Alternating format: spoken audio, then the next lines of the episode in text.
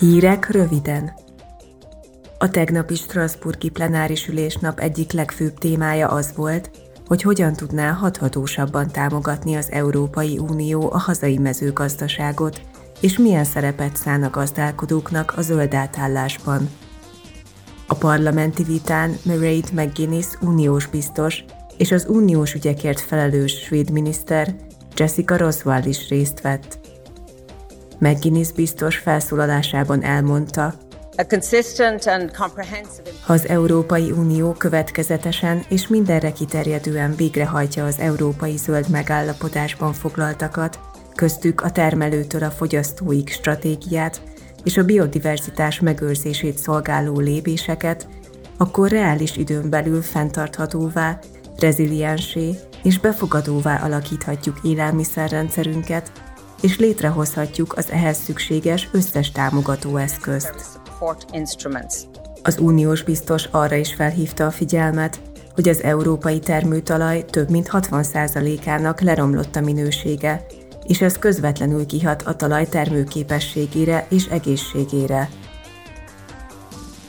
A képviselők tegnap hivatalosan fogadták Portugália elnökét, Marcelo Rebelo de Souza-t. Az elnök az orosz-ukrán háborús konfliktus tartja az Európa előtt álló legfontosabb kihívásnak. Az a legsürgetőbb, hogy ez a háború, amely annyi ukránt megnyomorított és annyi más népnek okozott szenvedést szerte a világon, így Európában is, jogszerű, igazságos és etikus békével záruljon.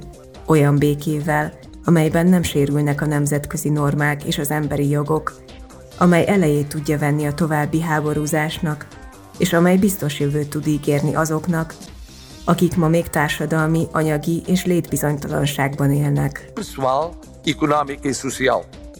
Rebelo de Souza felszólalásában támogatólag nyilatkozott az Európai Unió bővítéséről, és közös uniós migrációs politikát sürgetett. A képviselők a héten arról is döntöttek, hogy soron kívül egyeztetnek majd az európai lőszer és rakétagyártási kapacitás növelését előirányzó Európai Bizottsági Javaslatról. A javaslat értelmében az uniós költségvetés 500 millió eurót különítene el erre a célra.